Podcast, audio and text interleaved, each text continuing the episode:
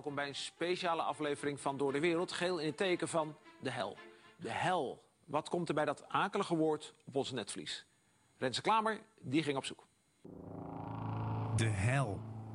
Niet echt iets waar je graag bij stilstaat. Maar ik ben toch eigenlijk ook wel heel nieuwsgierig. Kunstenaars die laten zich vaak inspireren door de hel. Fascinerend, hè? Hoe zien zij de hel? En hoe hebben mensen deze plek door de eeuwen heen voorgesteld? Daarvoor ga ik op stap met filosoof Erik Borgman en met kunstenaar Mark Mulders. Wauw. Prachtig uitzicht. Mooi hè? Ja. Super atelier. Ja. Verf overal. Wat heb jij nou met de hel? Nou, de hel is misschien wel het tegenovergestelde van dit paradijselijk plekje. En als je natuurlijk een probeert de schoonheid te schilderen, heb je natuurlijk altijd op de achtergrond of in ergens verder weg het kwade, de hel. En wat hoort dat er dan bij? Kun je niet gewoon blijven bij het feest? Nee, want het feestje zonder, ehm, eh, ik zal maar zeggen, als het feestje geen eh, tegenspraak eh, kent, ja, wordt het een heel plat feestje. In middeleeuwse boeken is de hel met name heel mooi afgebeeld als een helle mond, als een verschrikkelijke poort. Ja, vuur. Als vuur. Donker. Ja, het vuur eigenlijk achter in de mond. Hè? Dus de bek staat open, dus het is een poort. En die duivel, die helle mond, die, zegt dan niet, die is dan niet heel veel mensen aan het opeten. En, en dan gaat de mond of zo dicht. Nee, die mond blijft openstaan. Dat vind ik een hele mooie metafoor. Dus je kunt eh, van tevoren, tenminste als je hier op het Aardstralendal bent... nog steeds beslissen eh, welke kant wil ik op. De Hellemond. Die ken ik van Jeroen Bos, de bekende middeleeuwse schilder. Ik word meegenomen in zijn bizarre wereld door Erik Borgman. Nou, dit is een van de panelen waarin Jeroen Bos probeert uit te beelden wat de hel is en met name ook wat het laatste oordeel is en wat dat voor de meeste mensen oplevert. En voor de meeste mensen komt het volgens hem niet goed. Wij denken in principe komen we in de hemel behalve als we iets fout doen. Nou, de middeleeuwers dachten eigenlijk het omgekeerde. Als, we, eh, als er niks met ons gebeurt, dan komen we allemaal, gaat het allemaal verkeerd met ons. Er moet dus iets eh, gebeuren. Christus moest voor jou iets doen. Eh, en daar was je wel eh, van afhankelijk. Wat je overkomt in de hel is een soort omgekeerde met wat je op, eh, van wat je op aarde leuk vindt. Dus hier, de- deze persoon hield waarschijnlijk van muziek, maar was daar te veel aan toegewijd. En hangt nu voor de eeuwigheid in de harp. Eh, en kan ook met elektrische gitaren voor mensen die eh, Dat, misschien... staat- dat staat mij te wachten. Ja, nou ja, misschien.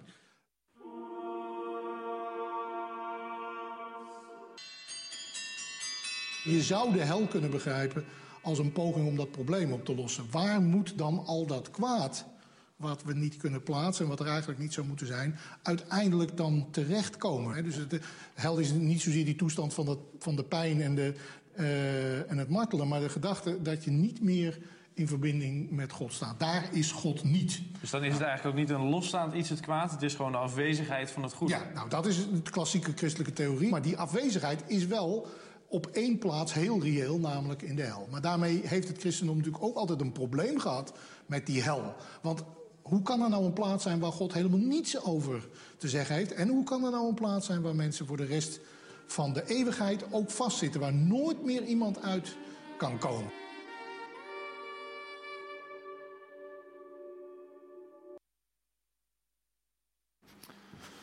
Ja, je was zo vrolijk opgestaan vanmorgen. Krijg je dit. Of je dacht, ik neem eens een keer iemand mee naar de basis. Nodig eens een keer iemand uit. Ja, gaat het hierover. Dankjewel, Martin.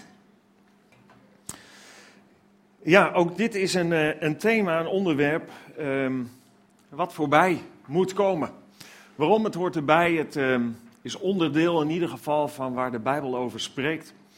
En eh, vandaag dan ook in eh, het laatste deel van deze themaserie Vuur werkt, ehm, staan we hier bij stil. Het is ook meteen daardoor het lastigste thema, zo vind ik het wel. Ik heb dat al zo'n filmpje voorbij komt, denk ik, wat een ellende. En iedere keer dat woord wat voorbij komt, hel. Vuur verwarmt en vuur verlicht, dat waren de eerste twee thema's waar we bij stil stonden. Eigenlijk een beetje kijken we naar de karaktereigenschappen die we herkennen bij mensen, maar ook bij God. De, de neiging om het goede te doen, maar ook het kwade. Of het kwade van als, als mens. En van God als karaktereigenschap. Het vuur wat verwarmt, het vuur wat verlicht. Dat zijn, je zou kunnen zeggen, de hemelse thema's. Maar aan de andere kant ook als karaktereigenschap het vuur wat vernietigt, wat te maken heeft met oordeel of met straf en dat soort dingen. Ja, daar staan we ook bij stil. En op de uitnodiging staat als inleiding voor vandaag de volgende tekst. Sommige christenen en kerken spreken over God als verterend vuur. En zelfs over een hel waar mensen terecht kunnen komen. Is dit idee barbaars, achterhaald en een eeuwenoude fabel misschien om gelovigen te mennen, hè, om gelovigen uh, in toom te houden, zou je kunnen zeggen? Of is het een werkelijkheid? Nou, misschien heb je wel een stukje geschiedenis achter je, afhankelijk van je leeftijd, afhankelijk van waar je groot bent geworden. Een stukje geschiedenis van een kerk misschien waar je bent geweest, waar dit thema niet af en toe, maar bijna wekelijks op de agenda stond. Waar um, hel en verdoemenis en oordeel en straf steeds besproken werd. En waar eigenlijk een soort van angstcultuur werd gecreëerd. Waar je bang werd. Waar je God zag als een, als een boze man. Die, die, waar je het minste of geringste wat je fout deed. Um, en niet in het gereel liep. Um, beoordeeld en veroordeeld werd en gestraft werd. Nou, dan is dit geen populair thema voor je. Misschien kom je helemaal niet uit een kerkelijke omgeving. Helemaal geen kerkelijke achtergrond. En um, ja, is hel dus ook nooit, waarschijnlijk nooit een onderwerp van gesprek geweest.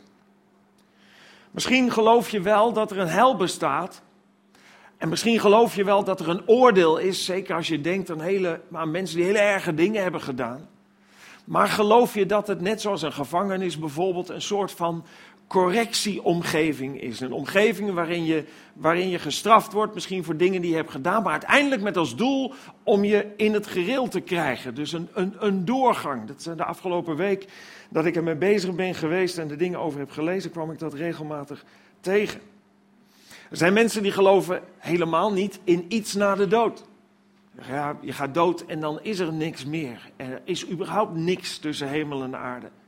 Die groep is heel klein, want heel veel mensen zeggen: Ja, ik weet niet wat het is, maar er is wel iets. En houden ook rekening met de mogelijkheid dat er leven is na de dood. Misschien geloof je wel in de hemel. Dat doen ontzettend veel mensen.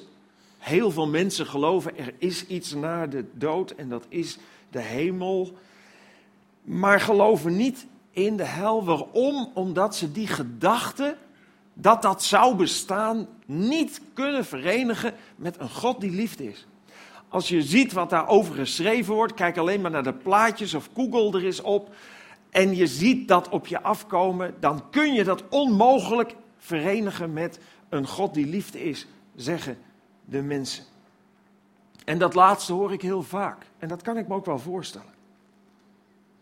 Ik geloof zelf zeker in het bestaan van de hemel maar ook zeker in het bestaan van de hel. Sterker nog, um, als je kijkt naar wat liefde inhoudt, dan is het eigenlijk logisch dat het bestaat. Dan zou het onlogisch zijn als het er niet zou zijn. En ik vind het dus ook niet op gespannen voet staan met God die liefde is. Ik zal beginnen iets te zeggen over liefde. Um, waarom kunnen we die aard van God, wiens liefde is, moeilijk combineren met een hel? Nou, dat is omdat wij liefde per definitie altijd associëren met iets positiefs.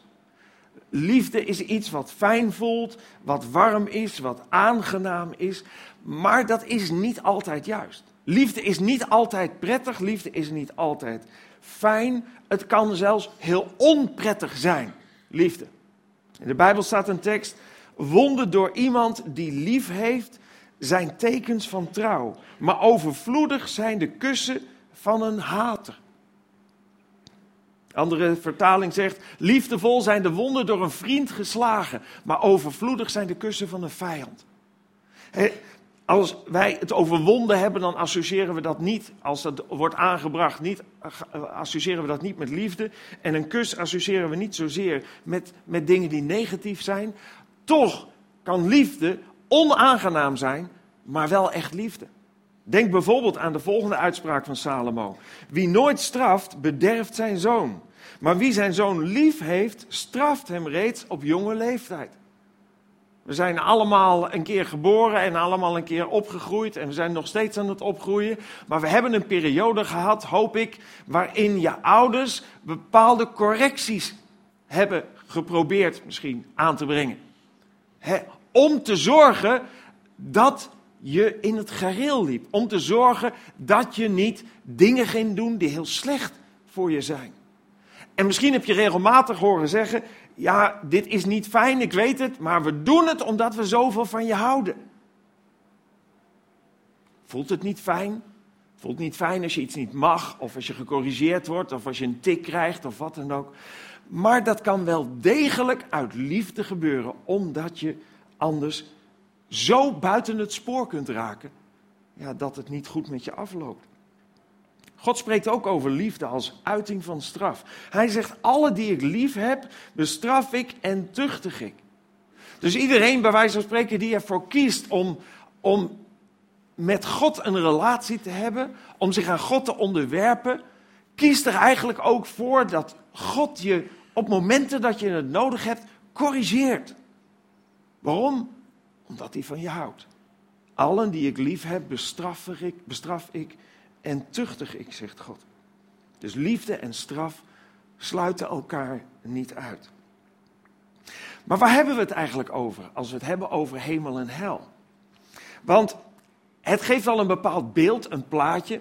Als je een plaatje over de hemel ziet, dan zie je altijd een beetje zo. Het is altijd vrij wit en, uh, en, en wat wolken. En als je de bij hoort, dan is het altijd een beetje. Wat is het? Harp of vioolgeluid erbij. En, uh, en er zweven wat engeltjes eigenlijk niet eens een heel aantrekkelijk plaatje. Ik zou tenminste niet altijd op een wolk willen zitten. Dus wat dat betreft wordt hemel heel vaak niet aantrekkelijk afgebeeld. Maar ja, om, om een stuk nou ja, zuiverheid misschien en licht.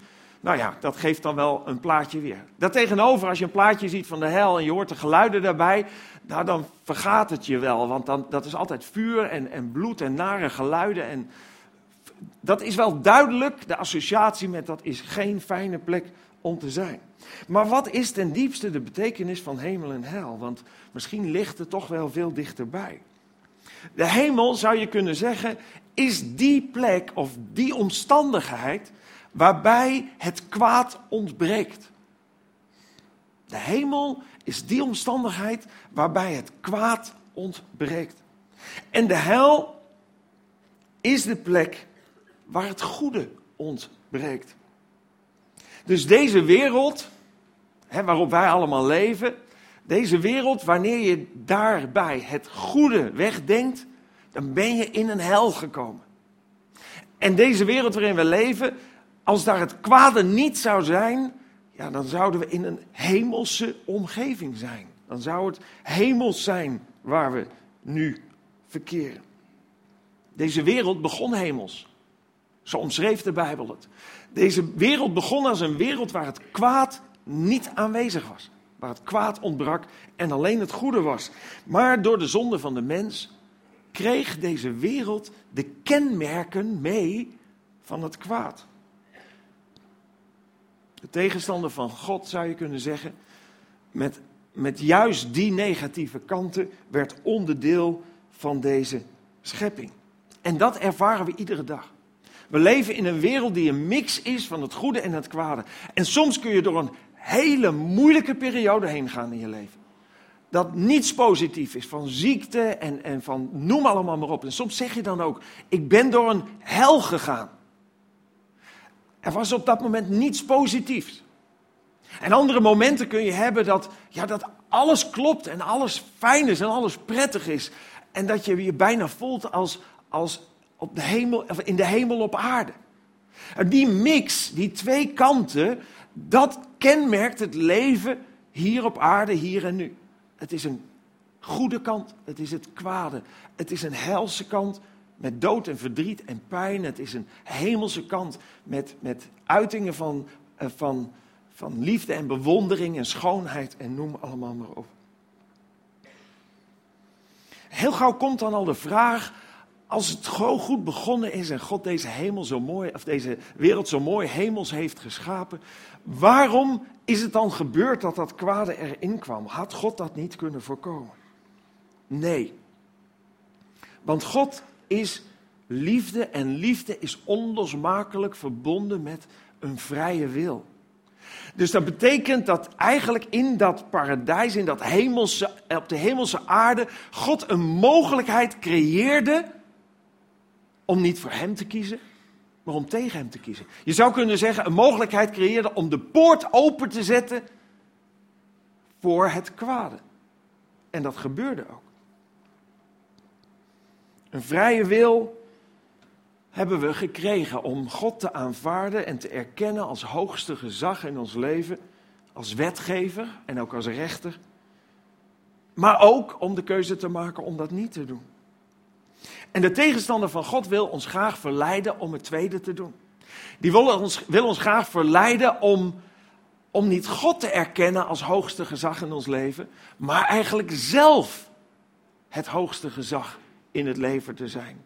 Autonoom te zijn. En dat was ook de verleiding waarmee de Satan de eerste mens verleidde. Ik zei net, God creëerde een omstandigheid in dat hemelse, op die hemelse wereld, waardoor de mens kon afwijken van het goede. En de vrije wil ook daadwerkelijk betekenis had. er stond die ene boom. Die boom van kennis van goed en kwaad, waarvan God had gezegd, daar mag je niet van eten. Het ging niet om die boom, het staat duidelijk, dat was een mooie boom en de vruchten waren aantrekkelijk en die zullen ook wel lekker zijn geweest. Het ging niet om de vrucht of de boom. Het ging erom dat God zei: Dit is wat ik zeg, wees mij gehoorzaam. En daarmee kies je ervoor om mij als gezag te aanvaarden. En op een gegeven moment kwam die verleiding. En vertelde de, in de confrontatie die de vrouw Eva met, met de slang aanging, met de Satan aanging, vertelde ze: we mogen van alle bomen eten, alleen van die niet, want dan zullen we sterven. En dan staat er het volgende. Toen zei de slang tegen de vrouw: U zult zeker niet sterven, maar God weet dat op de dag dat u daarvan eet, uw ogen geopend zullen worden. En dat u als God zult zijn, goed en kwaad kennend. Oftewel, grijp je kans. Je kunt zelf God zijn. Je kunt je eigen God zijn. Je kunt zelf bepalen wat je wil. En dat deden ze.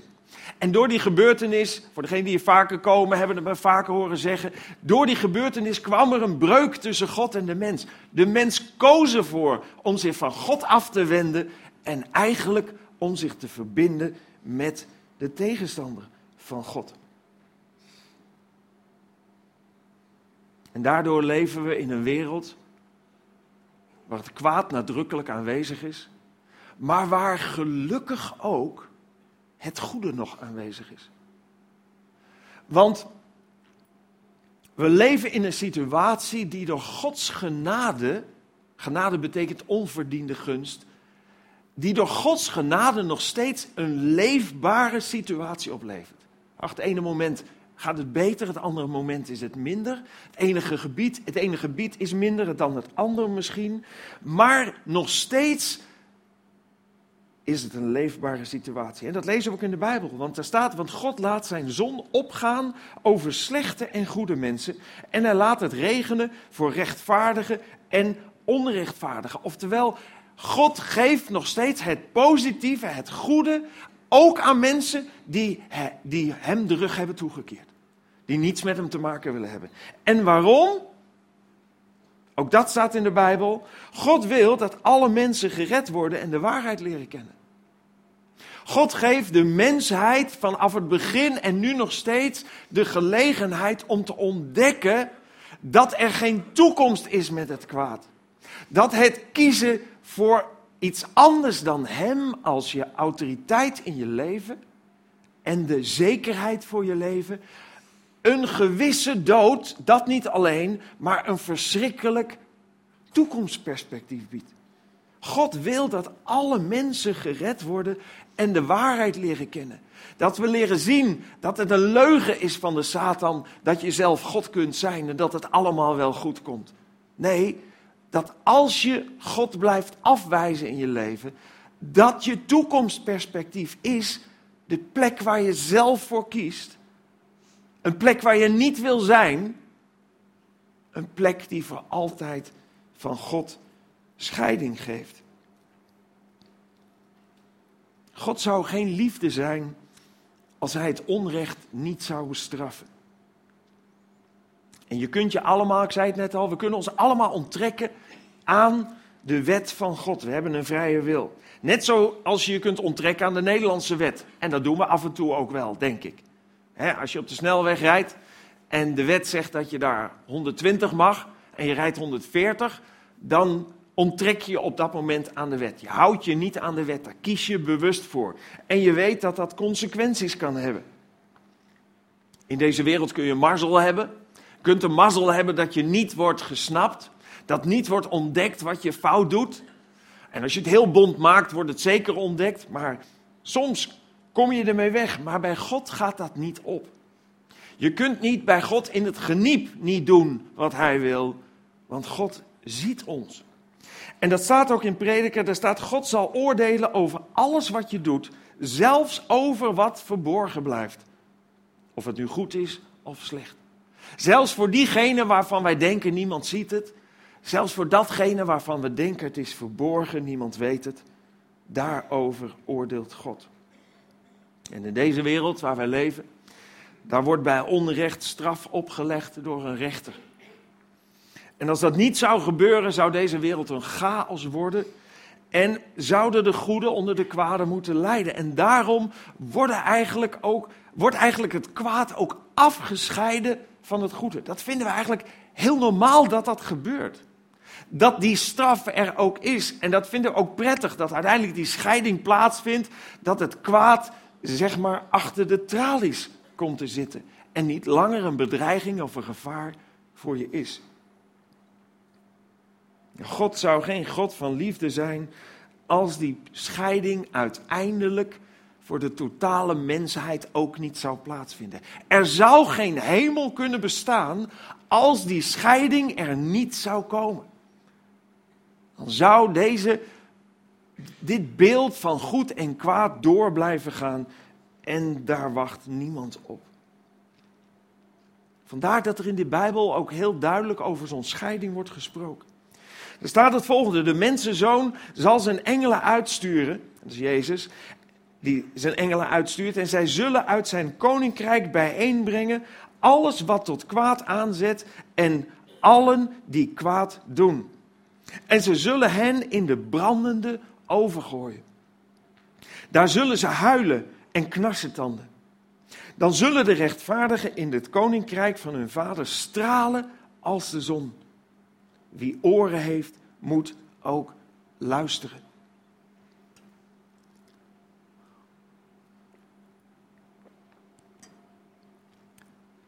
Dit is geen lichtvaardige uitspraak. Als Jezus dit zegt in Matthäus, dan is dat niet even zo makkelijk tussen neus en lippen door. Van joh, als je het verkeerd doet, nou ga er maar vanuit, je eindigt in de hel en daar zul je branden voor eeuwig. Nee, dit is iets wat Jezus met grote bewogenheid zegt. En het is niet voor niks dat hij eindigt met de woorden: Wie oren heeft, moet ook luisteren. Oftewel, alsjeblieft, luister nou naar wat ik zeg. Je kunt maar niet aanklooien. Je kunt niet dollen met God. Je kunt niet denken, het overkomt mij niet. Je kunt niet denken, het duurt nog wel zo lang. Nee, sta stil bij deze dingen voor het te laat is. Je bepaalt in dit leven waar je in de eeuwigheid zult zijn. In de Bijbel schrijft de schrijver van de Hebreeënbrief: eenmaal moet de mens sterven en dan volgt het oordeel. Ik weet niet of hier um, fanatieke twitteraars in de zaal zitten en deze term kennen, YOLO. Wie weet wat het betekent, YOLO? Ja, zeg eens. You only live once. Precies. En dat is eigenlijk precies wat die tekst zegt. Eenmaal moet de mens sterven en dan volgt het oordeel. Jodo zie je af en toe ook. Hashtag Jodo. You only die once. Dat is misschien nog beter. Je sterft één keer en dan komt het oordeel en je weet niet eens wanneer je sterft. Misschien vind je het logisch dat Hitler in de hel terechtkomt. En een heleboel andere mensen die verschrikkelijke dingen hebben gedaan. Maar kun je je niet voorstellen dat jij en ik voor deze plek in aanmerking zouden komen? Ja, dan moet ik je teleurstellen. Jij en ik maken op basis van dat wat wij in ons leven doen geen kans om aan de goede kant te eindigen als we daar verder niets aan doen. De Bijbel is daar heel duidelijk over. Er staat in Romeinen 3, alle mensen hebben zich van God afgekeerd. Alle mensen hebben zich van God afgekeerd. Hoe dan ook, op welke manier dan ook. Alle mensen hebben zich van God afgekeerd. Ze zijn met elkaar de verkeerde weg opgegaan. Niemand doet wat goed is, zelfs niet één. Niet één. Ah, zeg je, maar ik ben best een goed mens. Of ik ken die en die, dat is een heel goed mens. Ja, goed binnen wiens kaders? Wie bepaalt dan precies wat goed is en wat niet goed is? Is dat, is dat wat in de straat algemeen geaccepteerd is? Of in een plaats? Of is dat wat de wetgever van het land voorschrijft? Is dat goed? Of, of, of de cultuur die ergens heerst en geldt, als je daaraan houdt, is dat dan goed? Wat is dan die maatstaf? Wie bepaalt dan goed en kwaad? God zegt, alle mensen zijn buiten mijn kaders gegaan. Het is leuk wat jullie allemaal verzinnen. Het is prima dat je je eigen God wil zijn en je eigen regels wil maken. Maar ik ben de schepper van hemel en aarde. Ik heb jou gemaakt. Ik bepaal wat goed en fout is. En niemand valt binnen die kaders. We hebben allemaal meer dan voldoende gezondigd om de relatie met God te verspelen. Dat zegt dit gedeelte eigenlijk. Meer zondigen dan dat je hebt gedaan misschien is wel kwalijker. Of andere mensen waarvan je weet dat die veel meer gezondigd hebben dan jij. Dat kan wel kwalijker zijn, maar dat verandert niets aan de relatie ten opzichte van God. Als die relatie verbroken is door de zonde, is die relatie verbroken door de zonde. Bij minder en bij veel zonde. En andersom is het ook zo. Je kunt ook niet door goed je best te doen of goede werken te doen of positieve dingen doen, die relatie herstellen. Want die relatie is kapot. Wij hebben eh, onszelf besmet met de zonde. We hebben ons ingelaten met het kwaad. En dat leidt tot vanuit de Bijbel een definitieve breuk. Definitief? Nou, één weg is er terug.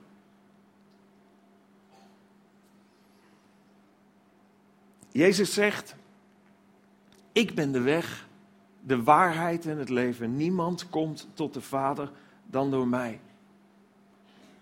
God heeft gezegd: De mensheid kan zijn probleem niet oplossen. De mensheid kan onmogelijk in het reine komen. Deze dingen komen niet vanzelf op de goede plek. Daarom heeft hij zijn zoon, de Heer Jezus Christus, naar deze wereld gestuurd. Hij die zonder zonde was en zonder zonde bleef, hij nam door te sterven aan het kruis de schuld op zich van ons. Hij betaalde de prijs met zijn leven. En vandaar dat hij zegt: Ik ben de weg, de waarheid en het leven. Niemand komt tot de Vader dan door mij. Alleen door goed te doen, kom je niet in de hemel. Alleen wanneer je het offer aanvaardt wat Christus heeft gebracht voor je zonde. Dan mag je weten dat je eeuwig leven hebt.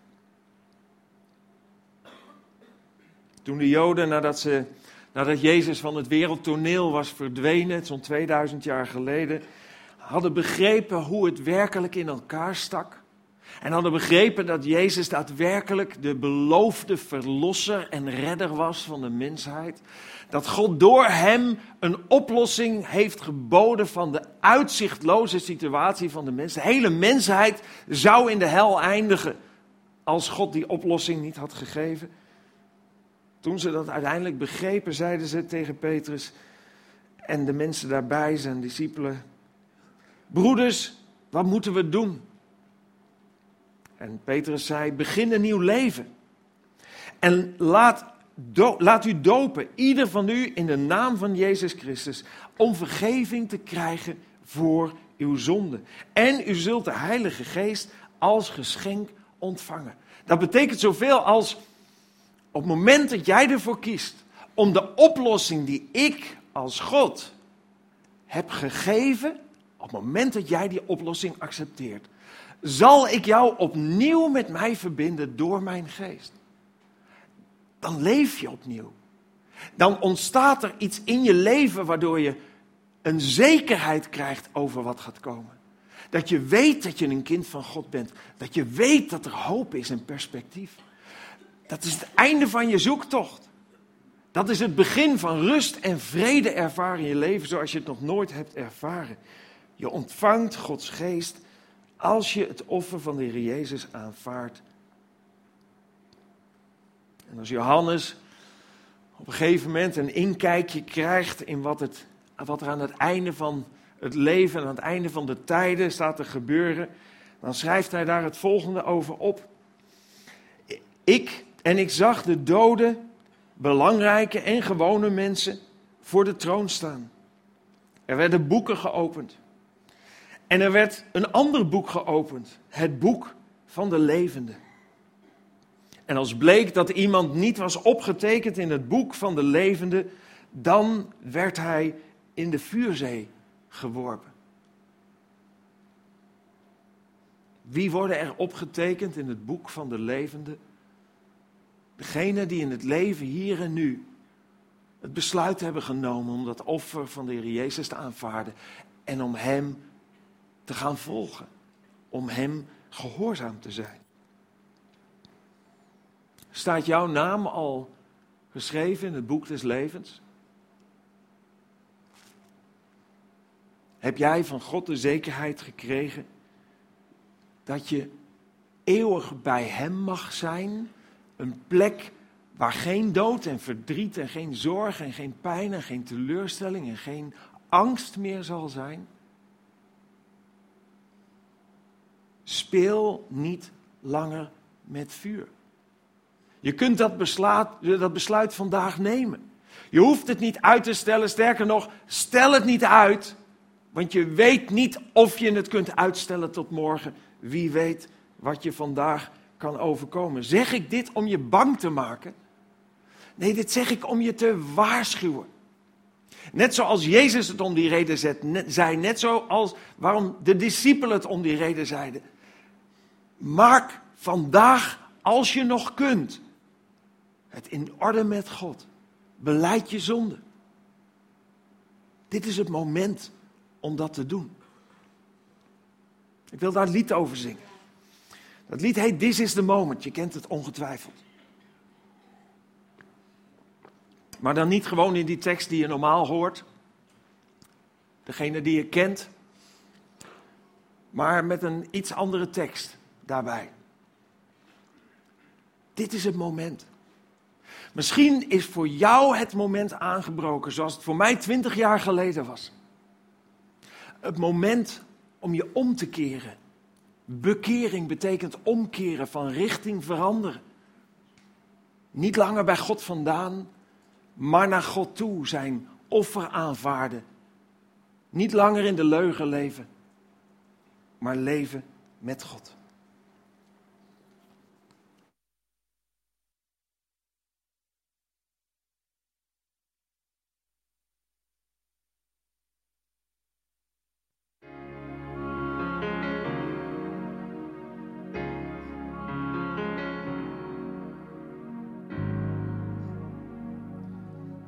This is the moment. This is the day when I sent all my doubts and demons on their way.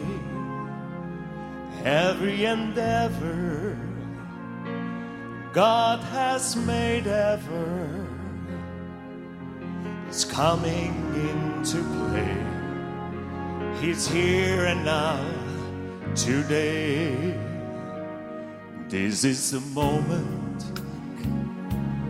this is the time when the momentum and the moment are in rhyme. I got this moment, this precious chance to gather up my past and make some sense at last. This is the moment when all I've done, my selfish being, my disbelieving comes undone. This is the day.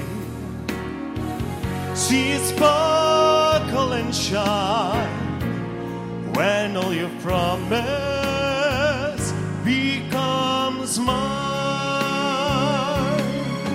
For all these years, I faced the world alone.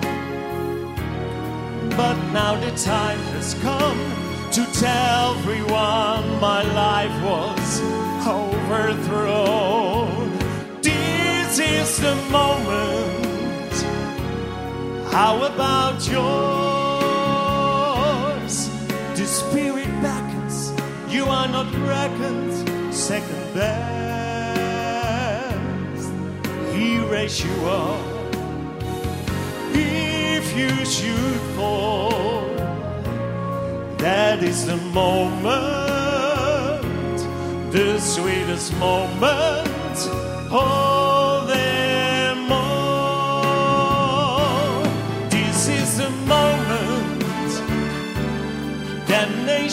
crossed. This day I gather alive forever with my God. When I look back, I will always recall moment for moment. This was a moment, the greatest moment of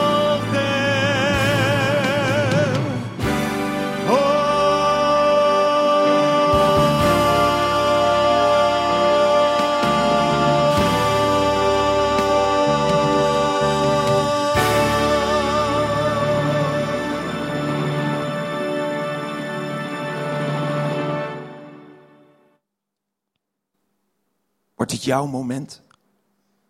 Is dit jouw moment om te kiezen? Die gelegenheid heb je. We gaan bidden en ik wil je ook uitnodigen tijdens het gebed. Om die keuze misschien vandaag te maken. Laten we samen bidden. Dank u wel, Heere God, dat u zich naar ons uitstrekt. Dat u van ons houdt.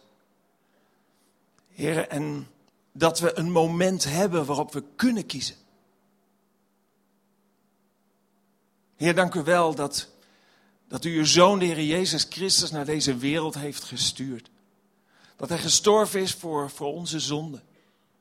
Heer, en dat we vandaag een ander perspectief kunnen ontvangen. Niet een perspectief op, op, op, op een hel, op altijd van u gescheiden te zijn, maar een perspectief om met u te leven. Heer, dat u ons wilt leren hoe u het leven bedoeld heeft. Dat u ons wilt beschermen door de kaders die u geeft, door de wet die u ons geeft. Niet een wet die ons rechtvaardigt, maar een wet die ons helpt om te leven zoals u het heeft bedoeld. Niet een wet die ons bindt, maar een wet die ons bevrijdt.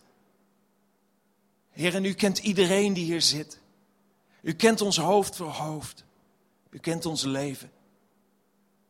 En ik wil u zo bidden, Heer, wilt u met uw liefde ons hart aanraken? Dat het duidelijk mag zijn dat u van ons houdt en dat u ons uitnodigt, dat u zegt, ik hou van je en ik wil zo graag een relatie met je hebben. Wil jij het offer wat voor jou gebracht is aanvaarden en wil jij mij volgen? Dan is dit het eind van je zoektocht en het begin van rust en vrede en liefde en zekerheid en hoop over dat wat gaat komen. Ik wil iedereen vragen een moment zijn ogen gesloten te houden. En wil jij die keuze maken? Misschien vandaag, misschien is dit jouw moment. Dan wil ik je vragen om dat kenbaar te maken door je hand op te steken. En dan wil ik graag een gebed voor je uitspreken. Als dit jouw moment is, steek dan je hand op en zeg, daar wil ik vandaag voor kiezen. Dankjewel, ik heb je hand gezien achterin. Dankjewel, ik heb je hand gezien daar. Dankjewel, ik heb ook, jou, ook jouw hand gezien. Dankjewel. Dankjewel, ik heb ook jouw hand gezien. Als jij wil kiezen, dankjewel, ik heb ook jouw hand gezien achterin. Als jij wil kiezen om de Heer Jezus te volgen, zijn offer te aanvaarden en Hem te gehoorzamen, maak dat dan bekend door even je hand op te steken. Dankjewel, dankjewel, dankjewel, dankjewel, ik heb ook jouw hand gezien hier. Dankjewel, ik heb ook jouw hand gezien. Dankjewel, ik heb ook jouw hand gezien. Liefdevolle God en Vader. Dank u wel, Heer, dat, dat u ons uitnodigt. En dank u wel dat uw uitnodiging ook in ons hart is binnengekomen. Heer, ik wil u bidden voor de mensen die uw hand hebben opgestoken. Ik wil u bidden, Heer, of u zichzelf aan hen bekend wilt maken zoals u beloofd heeft.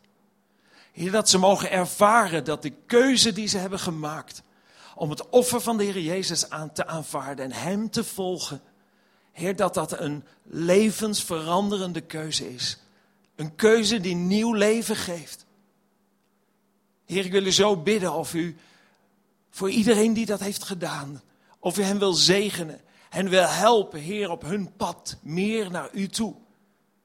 Dat ze meer van u mogen kennen, meer van u mogen leren zien, uw liefde mogen leren kennen.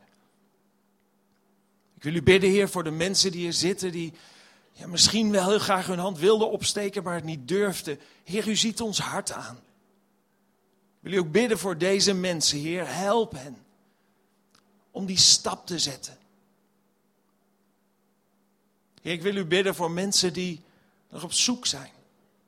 U zegt, wie mij zoekt zal mij vinden. Dat is een belofte die u geeft. Ik wil u zo bidden, Heer.